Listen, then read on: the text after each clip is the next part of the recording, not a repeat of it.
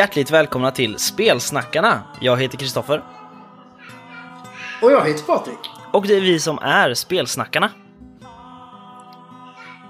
Äntligen är vi Ja, Spelsnackarna igen. ja, precis. Det har ju gått en månad nästan sedan förra avsnittet. Ja, det är helt sjukt. Men dels eh, kom det ju lite special när vi släppte avsnittet på grund av sommar. Och sen var det ju sjukdom som gjorde att vi har hoppat ett avsnitt. Så att eh, det är hög tid för Spelsnackarna. Precis. Ehm, ja, vi, vi hade ett litet sjukdomsfall när förra avsnittet skulle spelas in. Eh, jag ber om ursäkt för det. Jag skyller på dåliga kräfter eller ett eh, fummel på Constitution. Mm. Välj själv. Det för ju med sig vissa dåliga saker. Att det Ja, har blivit eh, så här. Och det är ju framförallt nyhetsrapporteringen. För nu känns ganska många av våra nyheter lite obsoleta. För att de flesta borde redan känna till det. Och vissa har redan passerat. Så att vi kommer inte ta allt som har varit intressant de senaste fem veckorna. Utan vi tar det som vi tror är intressant och viktigt nu på nyhetsfronten. Precis. Eh, för att, Och nu kommer jag ihåg att jag har glömt att anteckna både namn och exakta datumet för en ascool nyhet. Som jag skulle berätta. eh, det var ju jättedumt, Patrik. Det var jättedumt. Det var en grej jag skulle göra. Ja, precis. Och jag har inte gjort den. Ska jag börja med en av mina nyheter istället då, vill du, eller? Eh, det kan du göra. Så ska vi se om jag utan för mycket knapp eller knapp eh, ljud ska kunna hitta den här nyheten. Precis. Jag vet ju vad det handlar om. Men eh, jag har inte detaljerna och de vill jag ju dra. Såklart. Ja. Det börjar ju bli lite brådis med mina nyheter nu. F- för att jag har sådana som jag har tittat upp för länge sedan, men som nu är fortfarande i allra grad aktuella, men de är lite, mm, det är mest kickstarters och de börjar ju springa ut nu. Precis. Vi, vi har ju snackat ganska mycket, Den, mina nyheter har lite bakgrund idag, faktiskt. Eller lite, vad ska man säga, försnack, uppvärmning. Vi har ju snackat väldigt mycket om det här med fifth edition rules och hur mycket material som faktiskt kommer till det regelsystemet. Som är då DND Ja. fifth edition, men det har blivit som en slags egen grej, bara 5e, som är att ja, det här är till 5e, utan att man snor Wizard of the Coasts varumärke och nämner det. Liksom. Eh, Precis. Så min första nyhet är, jag vet inte hur det uttalas, men det är Sviland, tror jag. Eller Svilland. Och då är det då 5th edition Norse setting. Mm. Så det är helt enkelt, eh, ja men tänk dig Vikings ungefär. Eh, fast DND. Coolt. Ja, det är nya raser, nya klasser, nya kungadömen, nya kulter, nya monster, nya spells, allting liksom. Ehm, det, den går ut ganska snart, den går ut om tre dagar. Eh, men den är fully funded, den är, ligger över en och en halv miljon så att den är liksom, man får allting nu. Eh, alla, alltså tar man en, en stretch goal nivå eller vad vi ska säga. Eh, men det, det är ganska dyrt om man ska få liksom alla stretch goals och sånt. Att få, Det har börjat bli alltså dyrare med Kickstarters upplever jag. Att spelen har de sista två åren ökat i pris. Men det är väl för att man märker att det finns en marknad. Folk köper mycket rollspel och då kan man ju ta mer betalt för det. ja men precis, för här är liksom, jag var lite sugen på att backa det här, men pdf-paketet kostar liksom nästan 300 spänn. Ehm, det alltså 300 spänn, det fick du ju de första så här mutantboxarna för när Fria Ligan började på Kickstarter. Då fick du liksom en mutantbox för 300-400 med alla grejer i, plus alla stretch goals. precis. Ehm, och, och det är liksom... Det får man inte idag. Nej, eller ja, typ. Mutant Hindenburg tror jag kostade 400 i tryck. Med, ja, då var, och då var spelledarskärm och tryckt äventyr som add-ons, just det. Um, men om man vill ha det här i, uh, alltså det är två böcker. Det är ett, en settingbok då, som är själva Sviland. Uh, och sen är det ett äventyr som heter Frejas Tears. Um, och vill man ha båda böckerna i print så kostar det nästan 600 spänn. Um, så vill Å man... andra sidan, för två böcker, alltså en rollspelsbok på 150-200 sidor. Mm. 300 spänn är inte så jävla farligt. Nej, så är det ju. Men här är det ju då för pdf-er. Jo. Eh, sen finns det någon version där man får alla grejer, alla extra äventyr och sådana grejer och då landar man på nästan 800-900 spänn. Eh, så jag får, jag får se faktiskt. Jag är lite taggad på den för att det är coolt. För att det är liksom DND fast Vikings. Um, och det är ju bra. Men um, samtidigt så tror jag att jag hoppar för att det blir lite pricey. Du skulle ju faktiskt kunna ta egentligen alla världsbeskrivningar av stormländerna och översätta själv till 5th edition. Så blir det ju hyfsat okej. Ja, jo så är det. Men som sagt, eh, fyra dagar kvar till den. Eller på den, på Kickstarter. Ja. Eh, Nu har jag hittat den här nyheten jag skulle prata om. Innan jag också fastnade i Kickstarter-träsket. Eh, Mot andra världar. Dokumentären om det svenska rollspelsundret. Just det. Eh, finns på SVT Play eh, söndag den 6 september. Mhm. Och den sänds fredag den 11 september klockan 8. På, nu blir man ju glad för här står det TV2. Jag gissar att de menar SVT2. Ja. För det heter den väl numera. Ja, precis. Eh, eh, och så mycket kan man inte hitta om den här. Jag hittar inte så mycket om själva dokumentären. Nej. Annat än att det är Jesper Huår som har gjort den. Eh, och det tycker jag är roligt. eh, För Huår i... Eh, vad heter det? Silmarillion. Det blir roligt. Johan Egerkrans och Simon Stålenhag är med. Gabriel de Boer är med. Orvar Sävström, Messias är med. Eh, Mikael Petersen, Gunilla Jonsson. Anders Fager, Peter Narlo och Fredrik Malmberg är också med. Mm. Vi får ju säga att, Så att den här dokumentären verkar ju ganska cool. ja, det här är ju en gammal nyhet, för vi har pratat om den här förut. Men det var när vi inte kom ihåg namnet på den. Nej, och nu eh, hittade jag ju namnet och för jag kommer ihåg att jag måste prata om den här. För Mm. det är ju snart den kommer. Ja, Och nu har jag koll på namnet också. just Så jag är ganska taggad på den. Mm, jag också. Särskilt eftersom det här avsnittet av svenska folkfester som Orvar gjorde för några år sedan på Gothcon. Mm. Om, om spelkonvent. Den serien finns ju inte att se på SVT längre och så. Och Nej. därför är jag sjukt taggad på att den här dokumentären kommer. Mm, jag också. Det ska bli spännande. Sen, sen vill jag nämna också innan vi fastnar ännu mer i Kickstarter-nyheterna. En nyhet som, den är ju gammal men så jag ska inte dra. Jag har ju skrivit upp typ egentligen alla kategorier och vilka som har vunnit Emmy Awards eh, i somras. Men jag tänker inte läsa upp dem för att det är så länge sedan, så gammalt. Men några kräver en kommentar. Okej. Faktiskt. Eh, det intressanta är att Fria Ligan vinner bara en. De brukar vinna ganska många. Och det är att Best Game så fick Alien, det fick guld. Mm. Och sen vart Fria Ligan Fan Favorite Publisher också. Men det coola är att tvåan på Best Game blev Mörk Borg. Sen vann Mörk Borg tre stycken till. Och den som är coolast där, det är att Mörk Borg vann Product of the Year.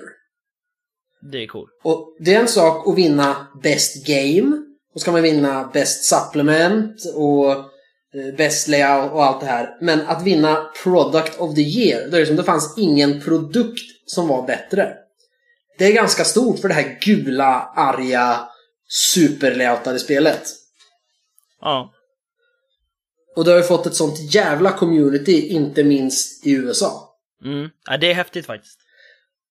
Jag tycker man läser varje dag att folk är sura för att vadå, andra printern är också out of print. När trycker ni den igen? Den är omöjlig att få tag på i USA.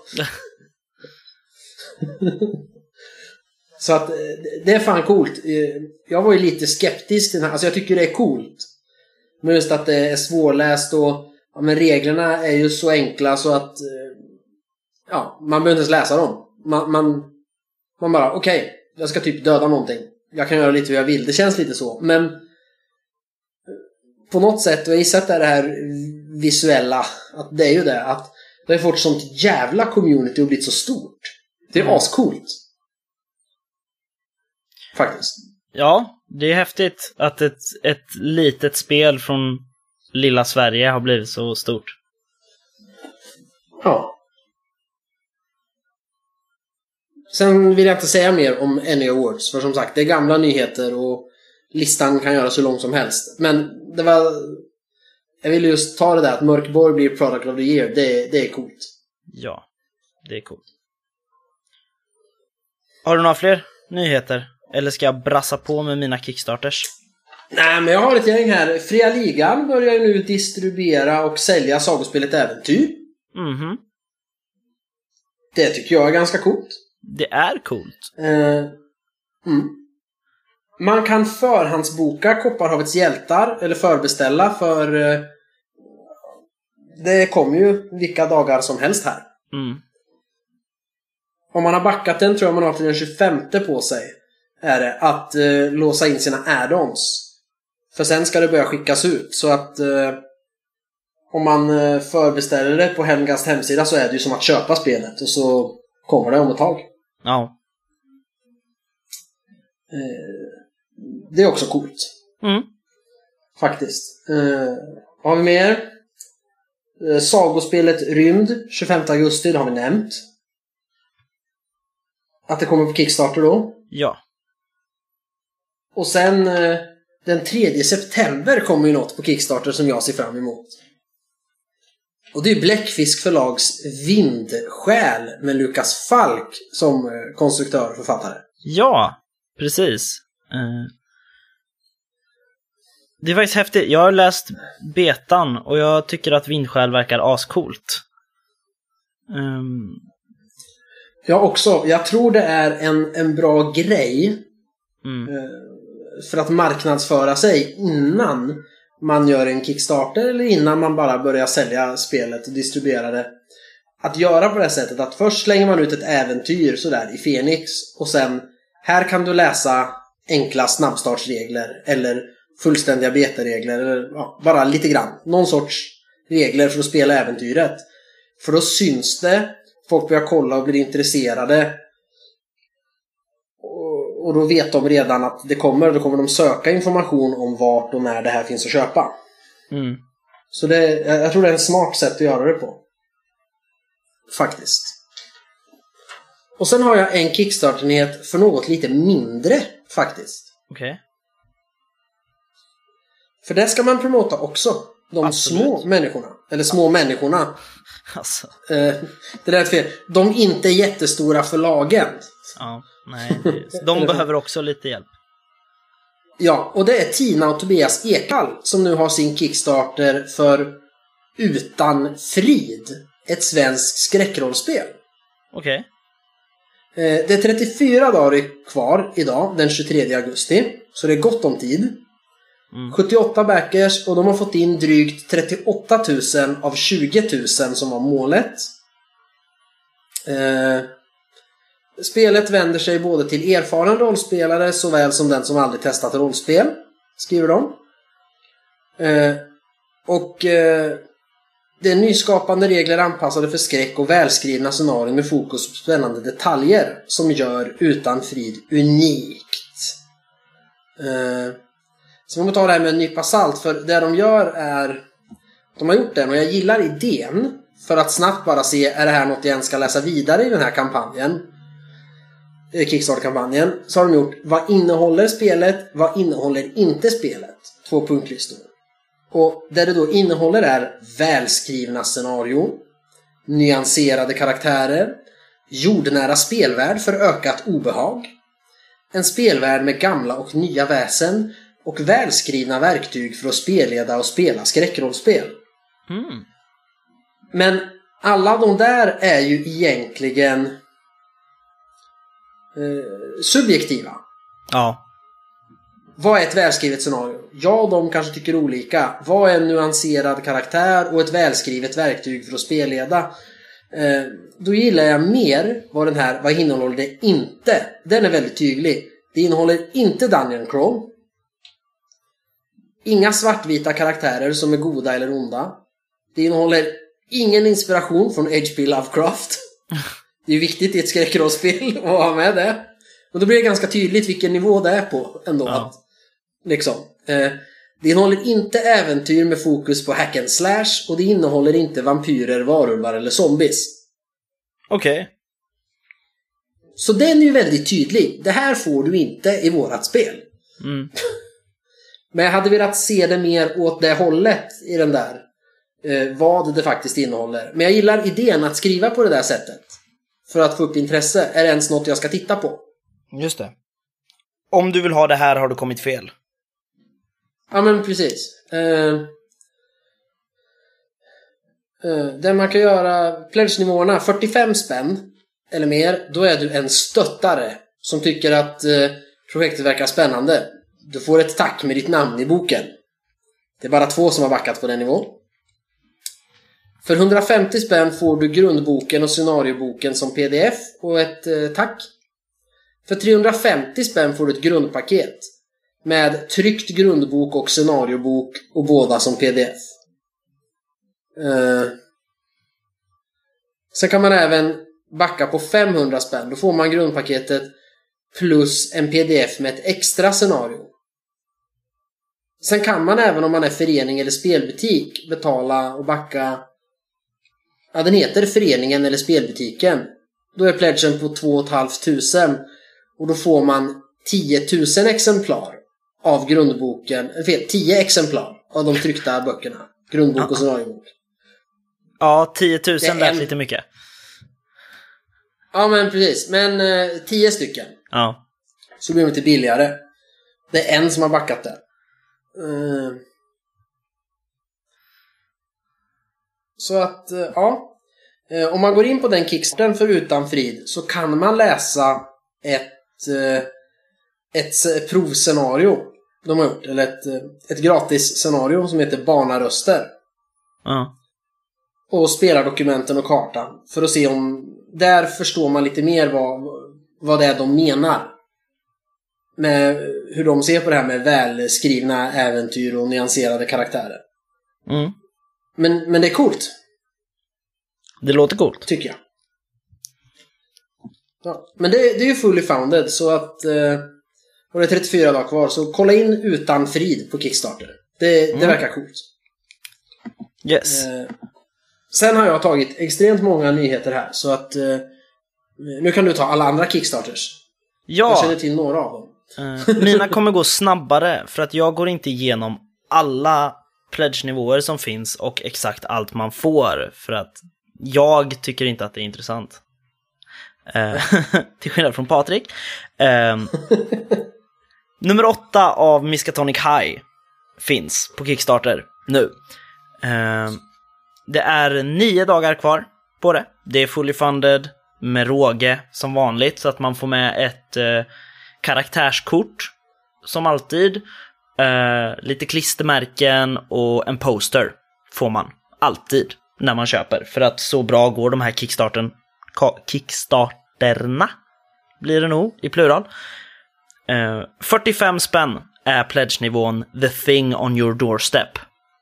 Och då får man alltså i tryck. Eh. Men hur mycket blir frakten på sen för att få det hem till Sverige? Eh, ja, men det brukar landa på kanske 80 spänn tror jag.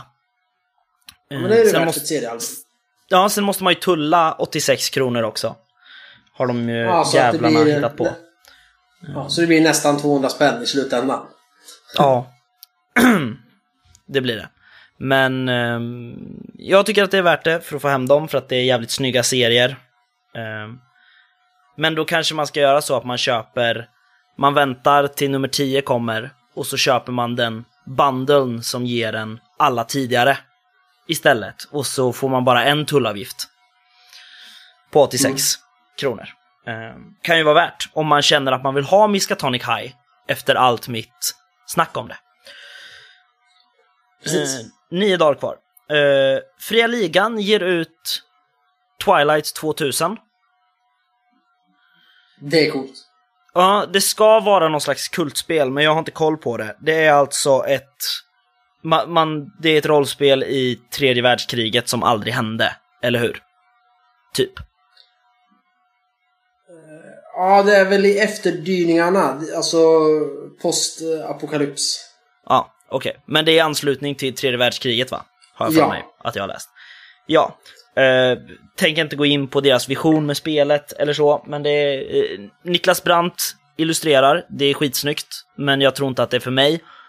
Eh, jag gillar inte riktigt den här utvecklingen Fria Ligan har gjort. Att de verkar fokusera på eh, internationella marknaden. Eh, jag vill ha dem i Sverige och på svenska helst. Men eh, det är deras deal. Det är tio dagar kvar på den. Eh, och det, det är typ, det är en startbox ungefär. Eller? Det har jag fått intrycket av. Att det är pamfletter ja, med det har jag också. Ja. Ja. Eh, och det som kan vara värt att nämna för folk som har spelat Twilight före tidigare utgåvor av spelet det är att nu är det ju med år 0-motorn. Så gillar man inte den så ska man vara medveten om det. Ifall man bara vill ha en ny utgåva av spelet. Att den är uppgraderad till Fria Ligans år 0-motor. Uh, nej, det är det inte. Kan jag säga. Ja, det läste jag. Då läste du fel. För att, På deras uh, Facebook. Jaså? För de har sagt att det inte är år 0-motorn. Det säger de på Kickstarter i alla fall.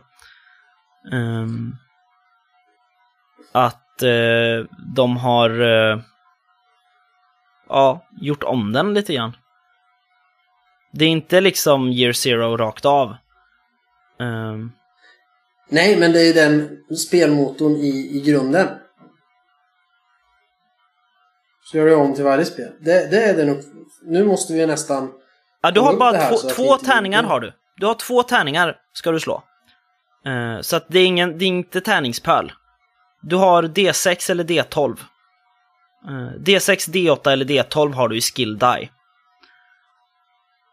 Uh, så att det, det kanske bygger på, ja det står att det bygger på år 0-motorn. Ja, precis. The core rules are built on the year zero engine. Ja, men... But heavily adapted to fit Twilight. Ja, men det har inte samma tärningssystem som Year Zero Engine. Det var lite underligt eh, framlagt. Men då, då ber jag om ursäkt för att jag var så hård mot att du hade fel när du egentligen bara hade läst att Fria Ligan har skrivit dumt. Precis. För, för när jag läser, det är samma regelsystem som i Mutanto 0, men istället för att plocka ihop så många sexsidiga tärningar som möjligt och sträva efter att slå en sexa, så kan du slå en D8 och lyckas. Lite luddigt. Ja. Men skitsamma, vi får titta på det där sen när det har kommit ja. och vi har fått det av Fria Ligan för att prata om det. Vilket Precis. händer så ofta. Eh, 300 spänn får man eh, pdf-erna. Eh, men när det är en Fria Ligan startbox, då vill man ha korten, tärningarna, kartorna. Ju. Så är jag i alla fall. Eh, ja. Då får man pytsa 500 spänn exklusive frakt. Eh, så det kan väl vara rimligt antar jag, för det verkar vara mycket prylar i boxen nu. De har väldigt många stretch goals uppfyllda. Mm. Mm. Så det är spännande. Jag ska, jag har bara en till Kickstart-nyhet, sen ska vi lämna det här träsket som Patrik kallar det. Det är också en eh, 5e-grej. Som eh, ett spel som heter Dark Matter. Det är alltså eh, sci-fi. Fast i 5th edition. Mm. Futuristisk setting i rymden. Um, det är 13 dagar kvar på den. Också liksom, ja, funded med råge. Så stretch goals och hela köret. Ehm, fast det, de här stretch goalsen är typ av, det finns fler bilder i den här boken eller en till klass här eller så. Så det är inte så mycket prylar.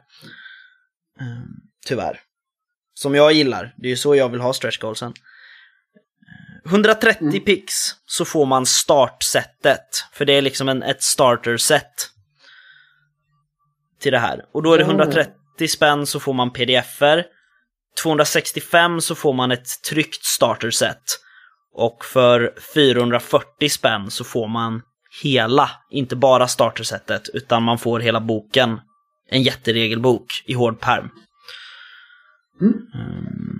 Men jag känner väl att jag har omvärderat det här efter allt skäll jag fick i samband med mitt trash-takande av eh, eh, Tales from the Loop startboxen. Så eh, har jag börjat fundera på det här med startboxar till spel som redan finns. Det är väldigt bra. Ja men till exempel, ja, men Pathfinder och Dungeons and Dragons till exempel. Istället för att köpa på sig Players Handbook och Game Masters Guide och Monster Manual för då tusen spänn. Och köpa Mm. tärningar för att kunna spela. Ja men okej, vi tror att vi nog vill prova. Oavsett om det är ett specifikt spel eller rollspel överhuvudtaget. Eh, då kan man faktiskt köpa en sån här box för 300-400 spänn. Och så Mm. finns det... Ofta är det ju en bok som är... Här är liksom reglerna. Eh, och här är boken med äventyr och så lär man sig reglerna medan man spelar. Någon av er är spelledare. Läs den här texten. Eh, du är nu den här gubben de ska prata med. Om de pratar med dig och ställer frågor kan du svara på följande. Nu är det strid. Ställ upp gubbarna så här. Se åt spelarna att slå tärning och så vidare. Jag vet vad det är i ett starterset. Du behöver inte utbilda mig i vad, vad en startlåda innehåller. Jag har spelat Nej, jag- rollspel jag- i jag- 15 år snart. Tror Vad jag. aggressiv du är. Jag utbildar lyssnarna. Ja, men de vet också vad ett starterset är. Det är det här Jo, som nej, gör men så- att nyhetssegmentet tar 30 minuter. Det är för att du pratar för mycket.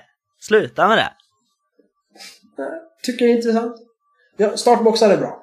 Ja, Så. för att man får ett, en startgrund. Ja. Vi vet vad det står i dem. Alla kanske inte vet det. Kanske någon som aldrig öppnat en startbox.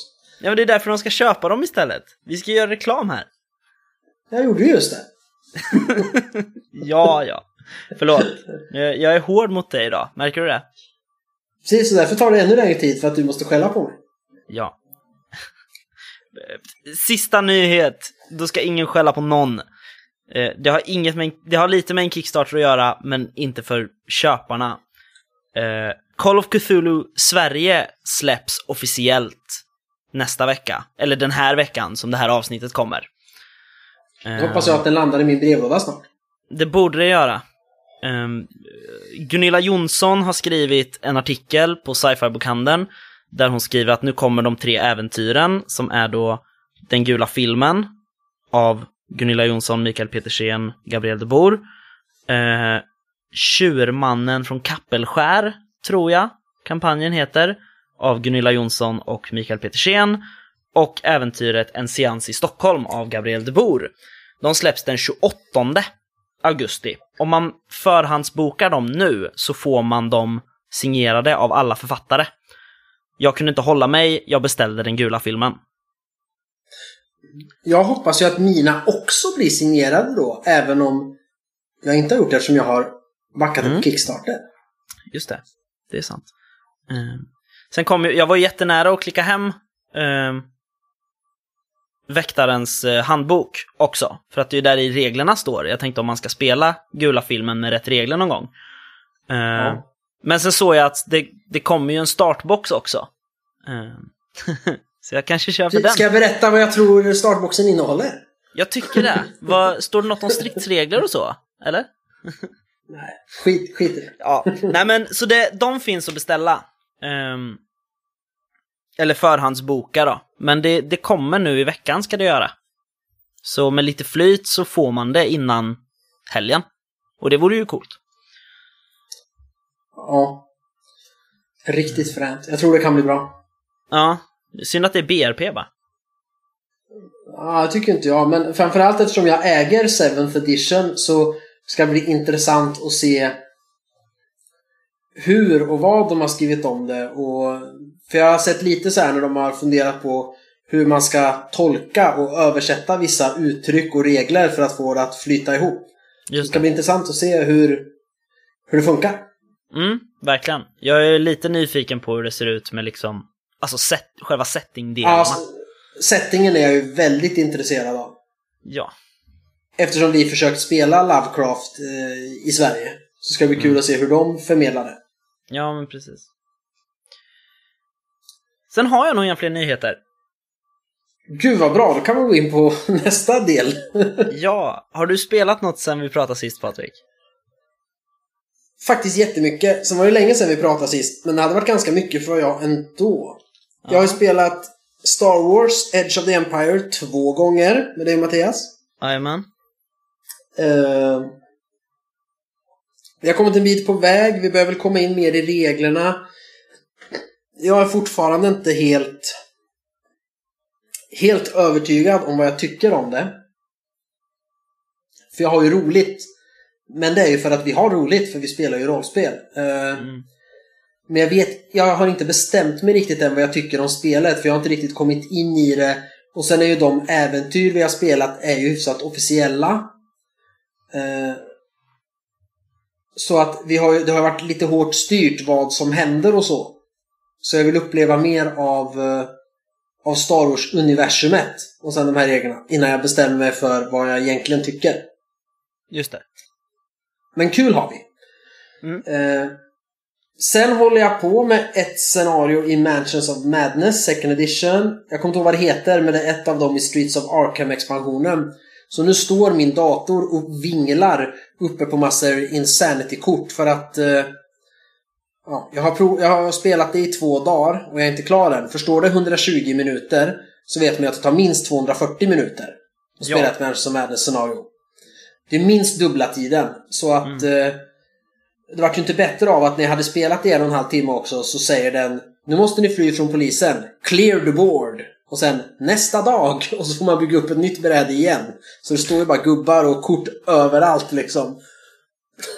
Eh, men, det, men det är kul. Ja. Eh, sen har jag och Alva spelat Star Wars D6 en gång. Det var också kul. Sen de största Förra helgen spelade jag Alvas eh, första egentillverkade rollspel som hon har gjort själv. Som heter Häxor och drakar. Wow! Eh, regelsystemet eh, är ju rakt av eh, Star Wars D6. Så här, 5T plus 1. Jag framförallt tycker det var bra att eh, i färdigheten Yxa, som var mitt vapen, då hade jag fem tärningar plus ett och, jag, och så hade Alva skrivit mitt råd för mig att jag behövde slå fem eller mer för att lyckas. Så att ganska bra på yxa. uh, var jag. Ja. Uh, så jag hjälpte henne lite med svårighetsgraderna sen. Och fick okay. piffa till det där.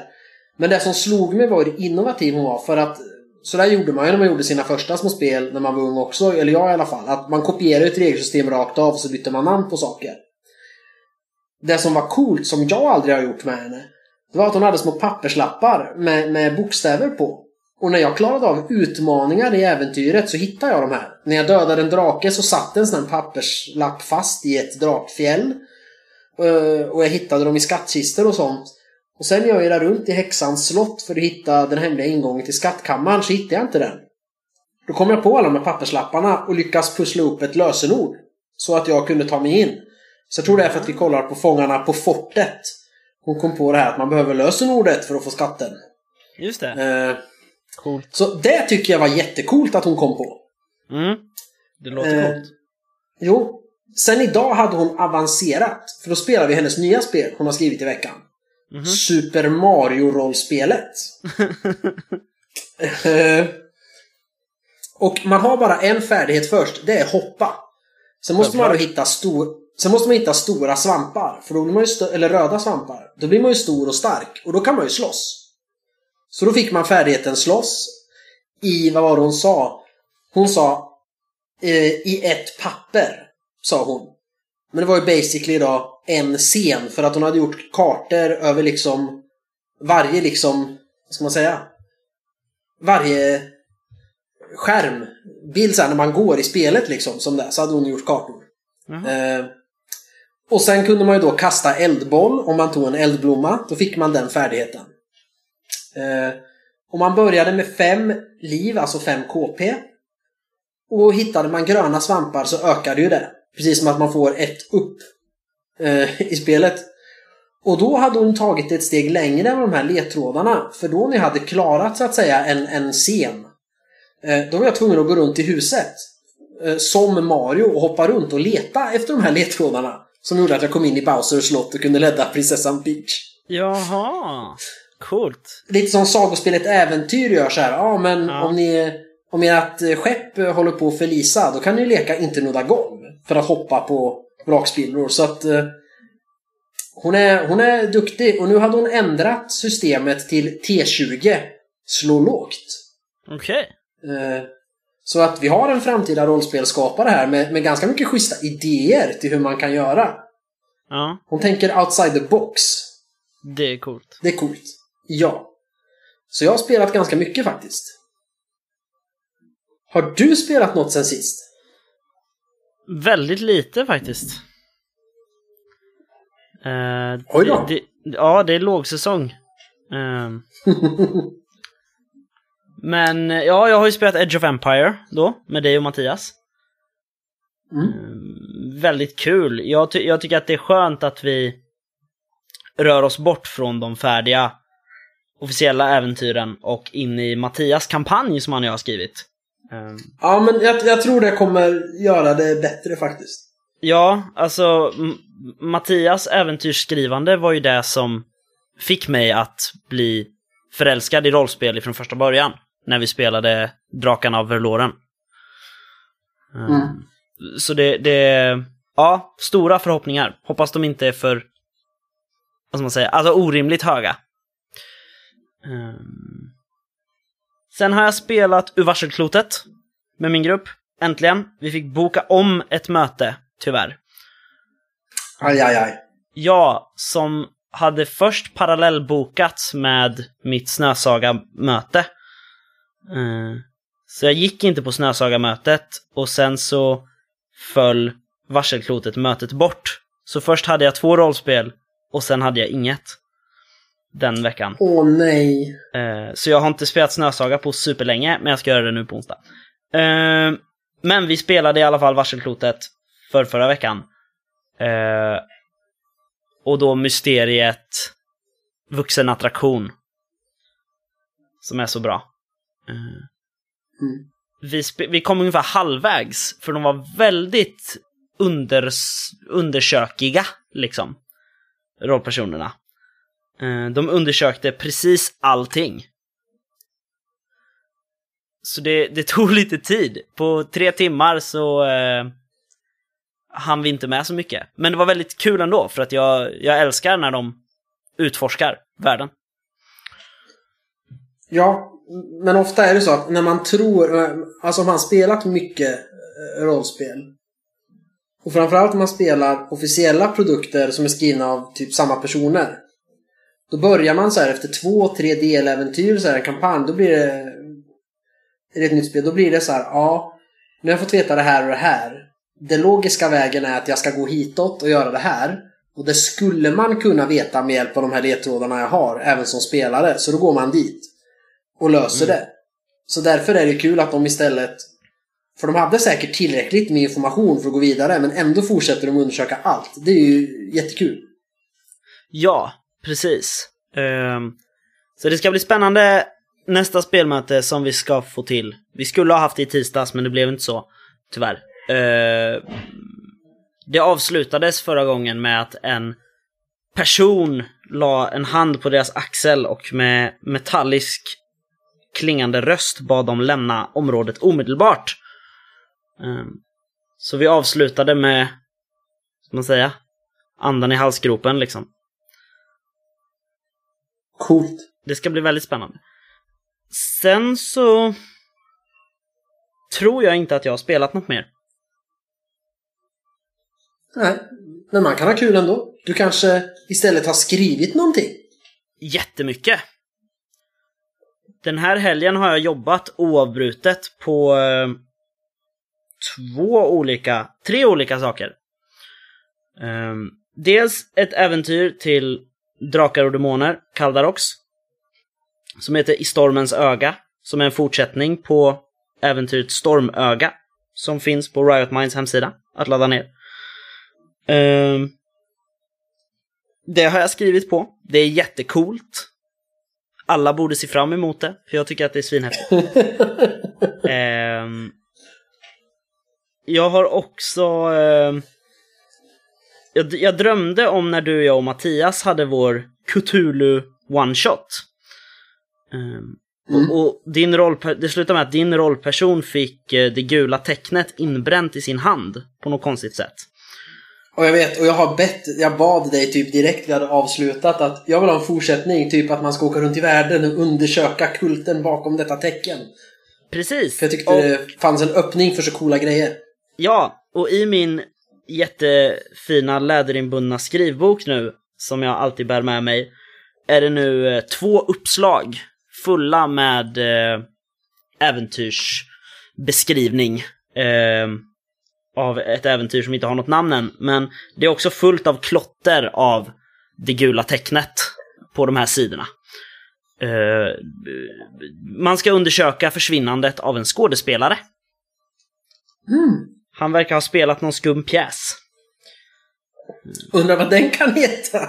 ja, han heter, han heter uh, Robert Camares. Och Camares är spanska för kammare som är svenska för Chambers.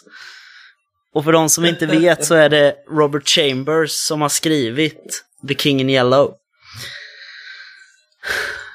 Um, cool. så det här du fick till det där bra. ja, jag är ganska nöjd faktiskt. Det kommer också bli väldigt, väldigt häftigt. Så min målsättning är ju att köra det till Cthulhu också. För då behöver man inte skriva så mycket regler. Um, sen har jag suttit och petat med den mörka regimen som gick iväg på en slags testlayout igår. Hela, hela rasket. Mm. Precis, tidigare har vi bara skickat in något kapitel för att se är det så här vi vill ha det och kom fram till att ja.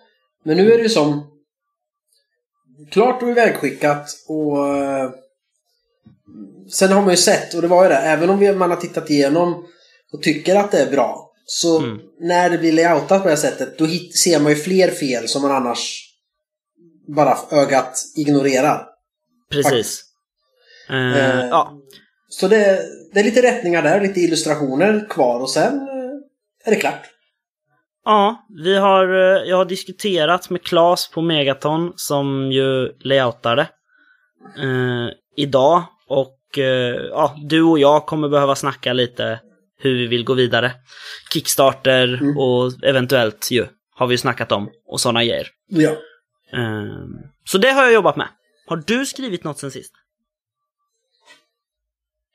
Nej, det var ju här när jag satt eh, åtta timmar på Arlanda, terminal 5 i mitt munskydd. För några dagar sedan med min dator och eh, ögnade igenom mörka regimen och hittade lite småsaker bara. Mm. Och sen sa jag, nu kör vi. ja. Nu är det klart. Yes. Man kan inte skriva hela tiden. Nej. Det är så mycket annat man måste göra. Herregud, vi är väl inga författare heller? Ja, du är ju det. Men, ja. men, men jag, hade ju, jag hade kunnat skriva jättemycket i onsdags när jag kunde suttit fast på ett hotellrum. Istället åkte jag hem till två kompisar och hade en mycket givande diskussion vi satt i soffan med kaffe och melon och jämförde vad vi har för regler när våra barn slåss med svärd. Hmm. Intressant. Mm, det är inte alltid man får sitta och diskutera sådana saker med folk. Så bara, vad har ni för regler när ni slåss med svärd? Nej, precis. Är det den här rent... Eh, är det den här diskussionen om det är rätt eller fel att leka krig också? Var, var det en del nej, av nej, det här? Nej, nej, nej, nej, det var inte alls. Utan eh, det var ju den här, de bara, men man får ju bara slåss med de som har svärd. Ja, just det. Var en av deras mm. tre gyllene regler. Mm. Medan min är, eftersom Leia inte förstår utan går all in Mm. så har ju vi regeln hemma att man får bara slå på svärden. Just det. Men det tycker ju alla är tråkigt då. Så bara, men pappa, man försöker ju träffa varann och att svärden nuddar varann är ju bara för att man skyddar sig. Så bara, ja, jag vet. Men Leia liksom slår ju mig med kvastskaftet i pungen om man säger att hon får slå på folk. Så, Ja. liksom. Men så vi satt och diskuterade svärdsregler och eh, en av mina vänner där, Claes, han hade bland annat eh, när han hade gett upp så hade barnen börjat puckla på honom och när han låg ner. Så då hade han stoppat och haft en föreläsning om hur man enligt lag ska behandla krigsfångar med sina barn. Så då har de fört in de reglerna när de slåss med svärd. Så att det finns lite olika varianter. ja. Och det gjorde du istället för att skriva rollspel? Mm, Ja. det gjorde jag. Ehm, spännande. Vilken tur att vi inte har så mycket att säga om eh, dagens huvudämne. Med tanke på hur länge vi har snackat. Ja, vi kanske har mycket att säga, vad vet jag? Jo, det kanske vi har. Ehm, så här, det här har vi ju nämnt förut, du och jag. Ehm, och det har ju inte undgått någon, men det är ett jävligt speciellt läge i världen just nu. Ehm, det pågår en pandemi, liksom. Ehm, och ganska många har, har liksom fel förutsättningar för att fortfarande kunna hänga med sina kompisar. Och så. Och gå till Mm. den lokala spelbutiken och spela Magic eller Zombieside eller vad som helst. Eh, Så vi har ju faktiskt tänkt att vi ska snacka lite om att spela under pandemin. Eller hur? Yes! Har, har du någon så här första som bara skriker i dig och måste ut liksom? Så här gör man. Nej, det har vi inte. Men vi har ju provat lite varianter. För vi har ju spelat eh, online och det är väl det vi kommer fokusera på. Hur, är, kan, hur rollspelar man varann när man inte kan träffas? Ja, hej mitt kära lilla barn! Har du lärt dig öppna min dörr? Kan du gå ut härifrån?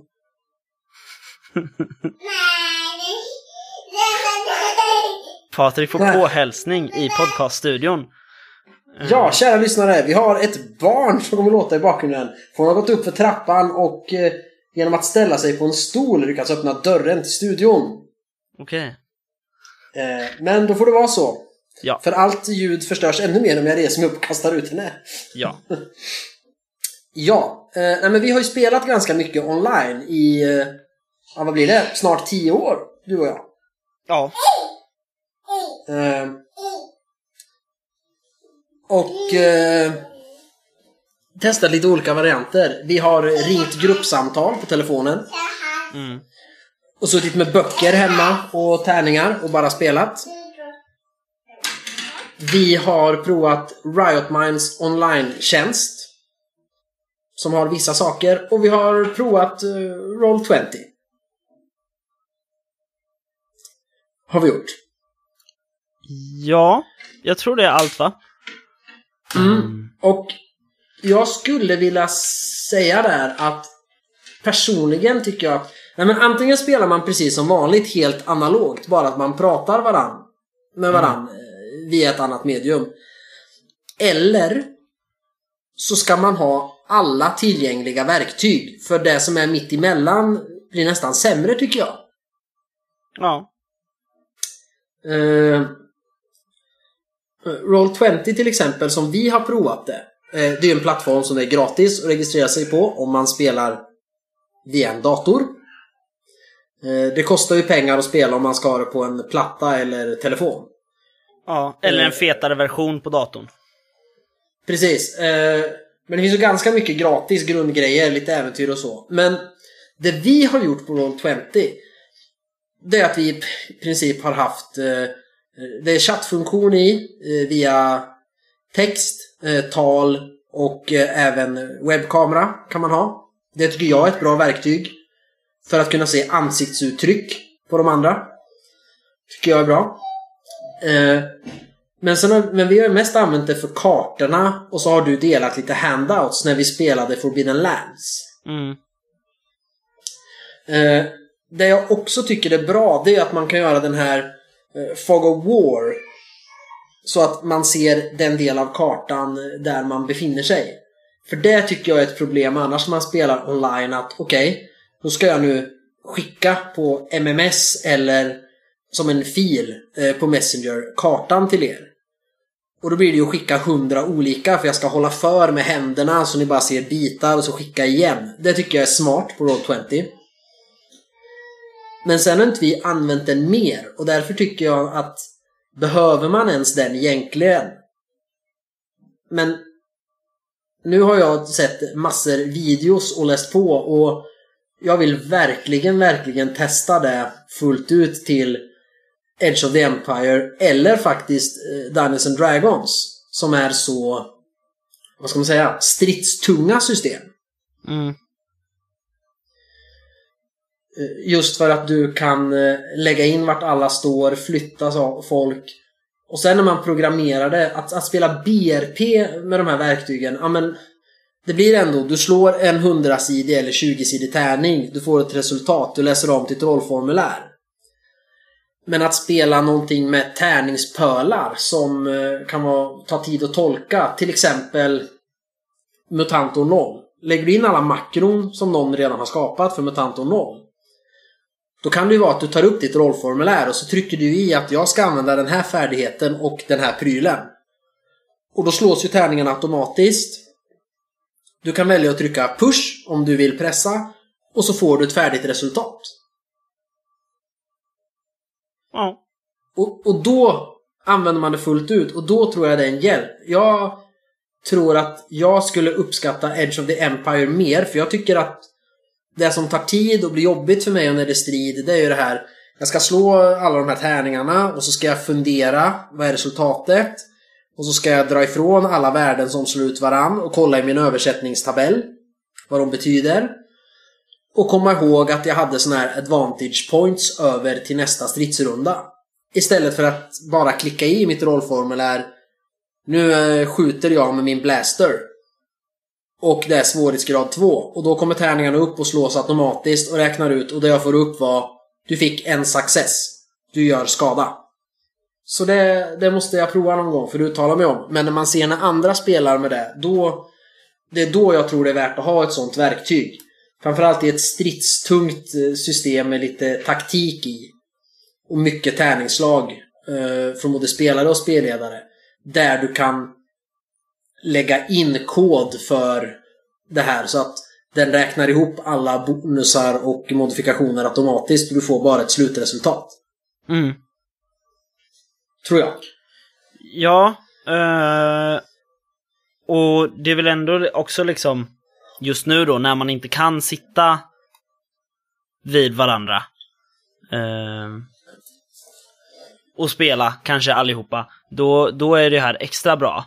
Inte bara om det är tunga regler, eller alltså vad ska man säga, detaljerade stridskartor och grejer, utan också just för det här att vi kan fortfarande se varandra och få upp våra rollformulär. Och så. Um, och det är väl det jag gillar mest egentligen. Um, för det, är det, det var ju det jag ville ha. Innan så, som så här, vi körde ju mycket på Skype och, ehm, och så här, konferenssamtal bara förut, du, jag och Mattias. Ja. Men jag ville ju ha en illusion av att vi satt tillsammans och spelade. Ehm, och då funkar ju Roll20 helt fantastiskt. Ehm, det finns ju ett liknande också som heter Astral Tabletop, tror jag. Ehm, de har en jättebra Fog of War som ingår i gratisversionen dessutom, som är väldigt lätt att hantera och använda. Jag tyckte att den funktionen i Roll20 var lite svår, men i den Astral Tabletop så är det jättelätt. Men min dator är för gammal, långsam och trött, så att eh, det såg inte så snyggt ut då. Tyvärr. Det, det, finns många som är ganska bra i grund som de är. Om, om du ska spela något av de spel som det finns officiellt stöd för i Fantasy Grounds till exempel. Mm. Eh, Call of Cthulhu eller Savage Worlds, Traveller, de har Vampire och Symbarom också och lite annat så här.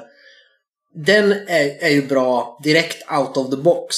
Om du skriver in där, jag vill spela DND. Fifth edition. Och då har du ju allt stöd. Då finns ju rollformulären och allting där och du behöver bara fylla i och köra. Du behöver inte ladda ner och, och hitta någon som har gjort ett bra rollformulär och, och sådär. Tärningen, slagen bara funkar som det ska. Mm. Men fördelen med Roll20 är ju just att när man lär sig hur det funkar och kan programmera de här makrorna då kan du ju programmera det till vilket spel som helst. Och göra det Ja. så... Det är väldigt eh, kustomerbart. Vad fasen heter det? Så Anpassningsbart. Ja.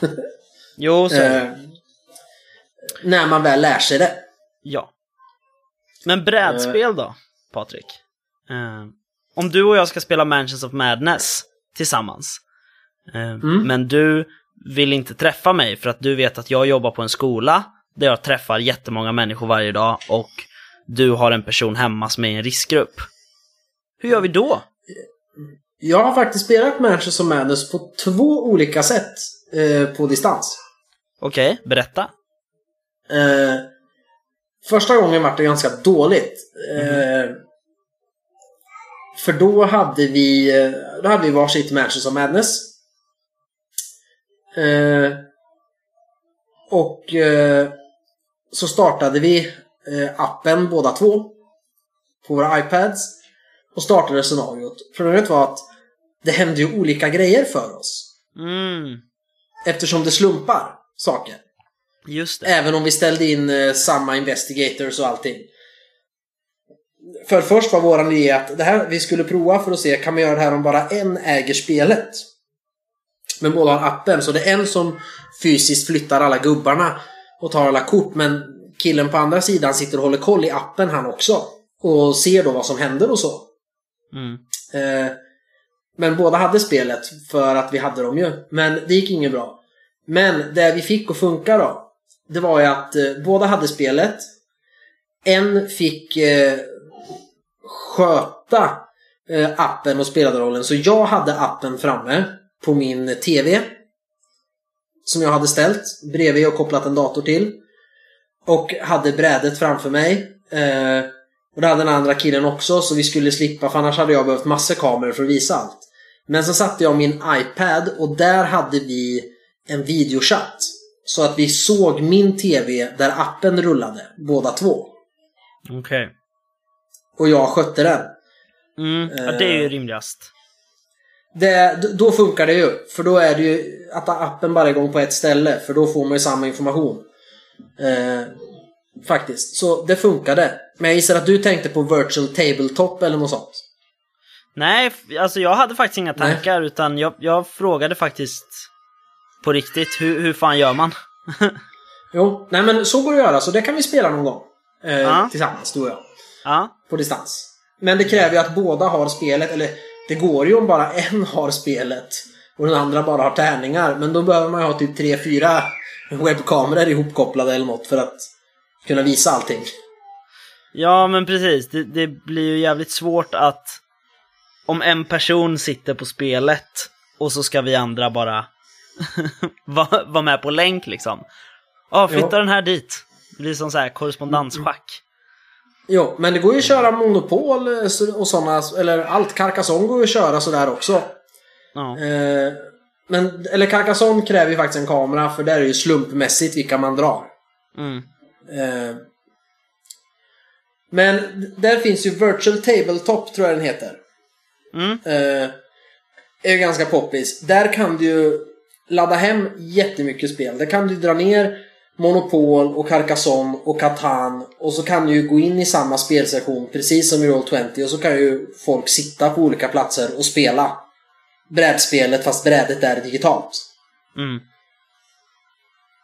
Det låter ju coolt. Jag får faktiskt kolla in det. Ehm. För jag, jag, det är väldigt svårt att spela brädspel, har jag fått känslan av. Det är vad jag har tänkt i alla fall. På distans. Mm. Ehm, Jo. Ja, men det finns eh, sätt. ja. Eh, Men Men det här att spela rollspel digitalt då. Jag, jag tycker att antingen så vill jag köra det helt analogt. Slå mina riktiga tärningar, bläddra i mina riktiga böcker. Mm.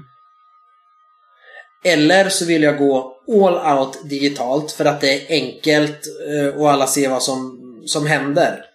För att annars när man kör så här 50-50 som vi brukar göra. Då blir jag mest störd av det här digitala. Att jag måste trycka på en grej för att eh, läsa eller få upp min tärning eller något. Och ha koll på den här dataskärmen. Mm. Eh, så jag... Eh, man ska välja någon av ytterligheterna tycker jag. Eh, Just det. Men det jag framförallt har med mig är att, och det är lite tråkigt att Mattias inte har en webbkamera. För jag får väldigt stor behållning av när du har din webbkamera på. Och jag min, så att jag kan se dina miner och, di, och hur du använder händerna och sådär. Mm. För jag gör ju det också. Jag sitter ju här och pekar och gör uttryck med hela min kropp. Fast du inte kan se mig. Ja, Eh. precis. Så, så jag får mycket behåll... Det, är- det är ett tips om man inte har provat det. Att prova i alla fall och se om ni gillar det. Om ni spelar eh, rollspel online med varandra. Prova att sätta på kamerorna en gång och se om det gör någon skillnad. Jag upplever jättestor skillnad Ja. i hur stämningen blir. Men jag också. eh, jag brukar också ställa min spelledarskärm framför datorn. eh, så att jag har allting där med info. Ehm, och så ser det ut som att jag verkligen sitter rakt framför. Ja, ja men precis. Och, och sen har vi ju, om ett, ett exempel på det här med att köra all out digitalt, det är ju Riot Minds online-tjänst som inte funkar nu då. Eh, nej. Men för där är ju, där kunde du ju köpa många av de officiella äventyren. Liksom. Och då har du allt där. Du har stats för SLPR, du har alla dina färdigheter för rollperson. Allting sker på datorn liksom. Ja men den räknar ju stridsbörjan alltså. Du trycker ju bara liksom slå för att slåss med det här vapnet och skada och allt räknas ut. Det den dock saknar för att göra det all out. Det är ju ett kartverktyg. Ja, du kan visa en karta som finns i äventyret du har köpt. Men du kan inte blurra ut den så här och markera att här är ni, rita i den eller någonting. Nej, just det. Eh, Men annars tycker jag faktiskt den är bra. Det är ju de funktionerna jag säger, får vi in dem och det finns ju dem. Jag skulle vilja ta den delen av de funktionerna för strid och färdighetslag och SLPR och föra in i Roll20 när vi kör Edge of Empires. För då tror jag att det skulle bli, eller Edge of the Empire, att det skulle bli riktigt bra. Mm. För det var det som, som, som du nämnde som jag uppskattade med Riot Online, att det var verkligen ett verktyg. Ja, det var väldigt bra. Det, det ska ju komma till Truvan Chronicles ju, har de sagt. Um, online-tjänsten. För att det verkar, vara, det verkar vara så Riot Minds jobbar med sina produkter. Uh, är någonting trasigt så fixar man det inte, utan då gör man en ny produkt. Ja, precis. Ehm, det, eller, de gjorde ju expertreglerna ju, en gång, till Dodd 6. Eh, men, men efter det så jobbar de inte med att laga det de har, utan de gör nytt. Och eh, sen får man ju se, det kanske är bra att starta om den online-tjänsten från grunden, för då kanske man får bättre funktion och så, men ja, vi får se helt enkelt. Men jag tror att rollspel är nog det lättaste att spela på, eh, på distans, om man frågar mig. Av mina erfarenheter i alla fall. Ja, men eh, absolut. Sen är det ju roligt att vi tycker Riot Minds online-tjänst är bra för att spela online. Mm. För det har de varit väldigt tydliga med genom åren, ända sedan den kom från början. När folk har sagt ja men varför finns det ingen ljudchatt i den? Eller videochatt. Mm. Och de är tydliga med att, ja men vadå? Eh, ni ska fortfarande sitta runt ett bord, fast alla har en laptop framför sig med det här programmet istället för en tärningspåse och ett rollformulär. Ni ska fortfarande sitta tillsammans och spela. Ja. Det är bara att ni ska slippa ha böcker och fysiska tärningar och papper. ja. Eh, så de har ju varit väldigt anti så här, upplever jag, när man ger kritik. För att folk liksom, ja men vi vill ju använda det för att spela digitalt. Nej, det ska man inte göra. Man ska sitta tillsammans. Fast med en dator. Ja. Eh, men den har potential. Ja. Faktiskt. Då, Men som sagt, vi, jag vill utforska det här mer. Jag var ju väldigt anti när vi skulle börja använda Roll20. Men jag insåg att det fanns vissa grejer där som gör det bra. Framförallt karta när man spelar online. Och sen just den här chattfunktionen. Men det finns ju på andra ställen.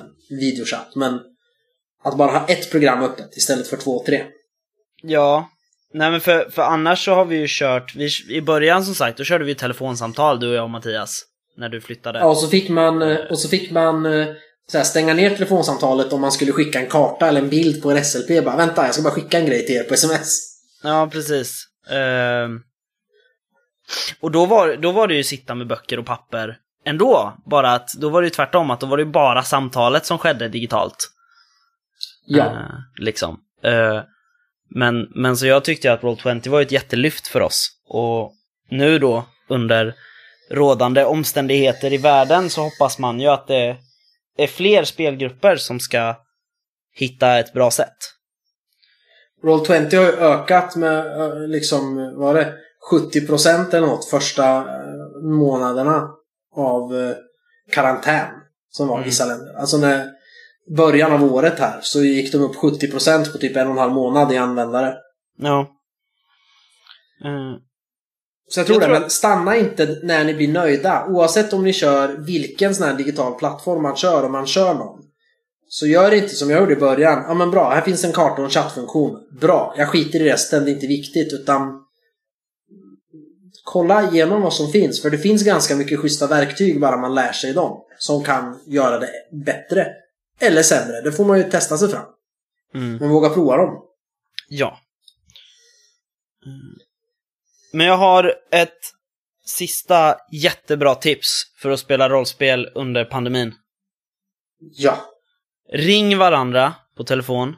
En kompis bara, det räcker. Om man har en kompis man tänker, ja men hen vill jag spela rollspel med. Ring och läs Ensamma vargen-böckerna tillsammans. Det är simpelt, det är kul, det är nice och det är bra för själen. Det kan man ju faktiskt göra ja. Mm. Gjorde inte du och Mattias det ett tag? Jo, eh, precis. Sen hur mycket rollspel det blir, för det blir ju precis så övertydligt bara att jag satt och läste. Bla bla bla bla. Du kommer till en korsning. Om du vill gå vänster, gå till 38. Vill du gå åt höger, gå till 52. Så att man är ju väldigt styrd, men det är man ju. Men vi kunde lyssna på den här berättelsen tillsammans, så att det var kul. Ja. Man kan ju kan slopa de grejerna. Man kan ju säga så här. Ja, du kommer fram till en korsning. Vill du gå till höger eller vänster? Ja men precis, det var ju det jag gjorde. Men jag kan ju inte bara säga Ja, vad gör du? Och så bara Nej men jag går tillbaka in i skogen och gör det här. Bara, Ja, nej. mm. Det går inte utan man får ju köpa att det, det är eh, den typen av äventyr man går igenom. Ja, jo men så är det ju. Men det är ändå kul, tror jag. Ja, det är. Ja. Mycket, mycket nyheter och spelat sen sist, men eh, det var ju länge sedan vi gjorde det här sist. Ja, eh, jag tror att vi är lite, jag i alla fall, är lite ringrostig i eh, podd-gamet just nu. Det är jag också, Ja, jag. eh, vi kommer bli bättre, vi lovar. Mm. Oh, jag glömde säga en nyhet. Är det mera Kickstarter? Nej, och typ skrivit sen sist också, lite grann. Eh, Ja. En SLP jag har skapat var med i senaste avsnittet av eh, eh, Rollspelsdags. Just det! Eh, Tell the tale. Tell the Tale, ja de ville ju ha på... Eh, på... Eh, de efterfrågade på sin Facebook, ge oss sköna SLPR med lite backstories. Eh, och då, då skrev jag om min RP till eh, MUA, som heter Astor Bonner, som är en pensionerad officer. Så berättade jag lite om honom. Och sen blev han liksom ett... Eh, en, en slags uppdragsgivare åt dem. Så det är ju lite nyheter och lite spelat sen sist. Mm. Eller skrivit Jag har ju ett avsnitt kvar innan jag är framme vid det avsnittet, så jag har ju inte hört det. Nej, han är Mm. ascool. Jag älskar vad de gör med honom. Coolt. Eh, Jag ska lyssna snart. Ja, jag får skriva in honom så att det blir lite officiellt material. Precis. Ja, Ja. jag vet, jag Men- vet inte om men, någon eh, blir klokare av eh, vidare diskussion egentligen. Nej, eh, spela digitalt är bättre än att inte spela alls och man kan göra det på många olika sätt. Och i vissa fall så blir det nästan lika bra som att ses på riktigt. Ja. Ehm. Om man vill oss någonting, kan vi väl säga då, då. Eftersom vi inte har så mycket mer att komma med i nuläget. Nej. Eh, vill man oss något så kan man ju skriva på eh, facebook.com spelsnackarna eller på Messenger till spelsnackarna. Eller så kan man mejla på spelsnackarna.gmail.com. Och vi, som ni hör så behöver vi ämnen. Skriv till oss, vad ska vi prata om? Ibland får vi jättebra tips och ibland så får vi inte tips. Um, Precis, antingen är de bra eller så får vi inga. Det är på Ja. den nivån. Precis. Ehm, så medan vi kryper tillbaka till våra hålor så eh, får ni börja formulera lite förslag på ämnen. För vi blir jätteglada då. Yes. Ja. eh, nu ska jag gå och inte titta på fler Kickstarters. Och inte spela så mycket fler spel, utan mest bara lära mig prata om ämnen igen. Så vi får bukt med det här. Det låter bra. Jag ska gå och söva barn så jag kan fortsätta spela Manchester Madness. Gör det. Jag ska nog också spela Manchester of Madness kanske. Det vore kul. Ja, ska vi spela samma scenario? Ska vi prova att spela tillsammans? Över internet? Nej! Det ska vi inte. Du är redan halvvägs igenom. Eh, Ja, men jag kan börja ett nytt. ja. Nej. Det ska vi inte. En annan gång.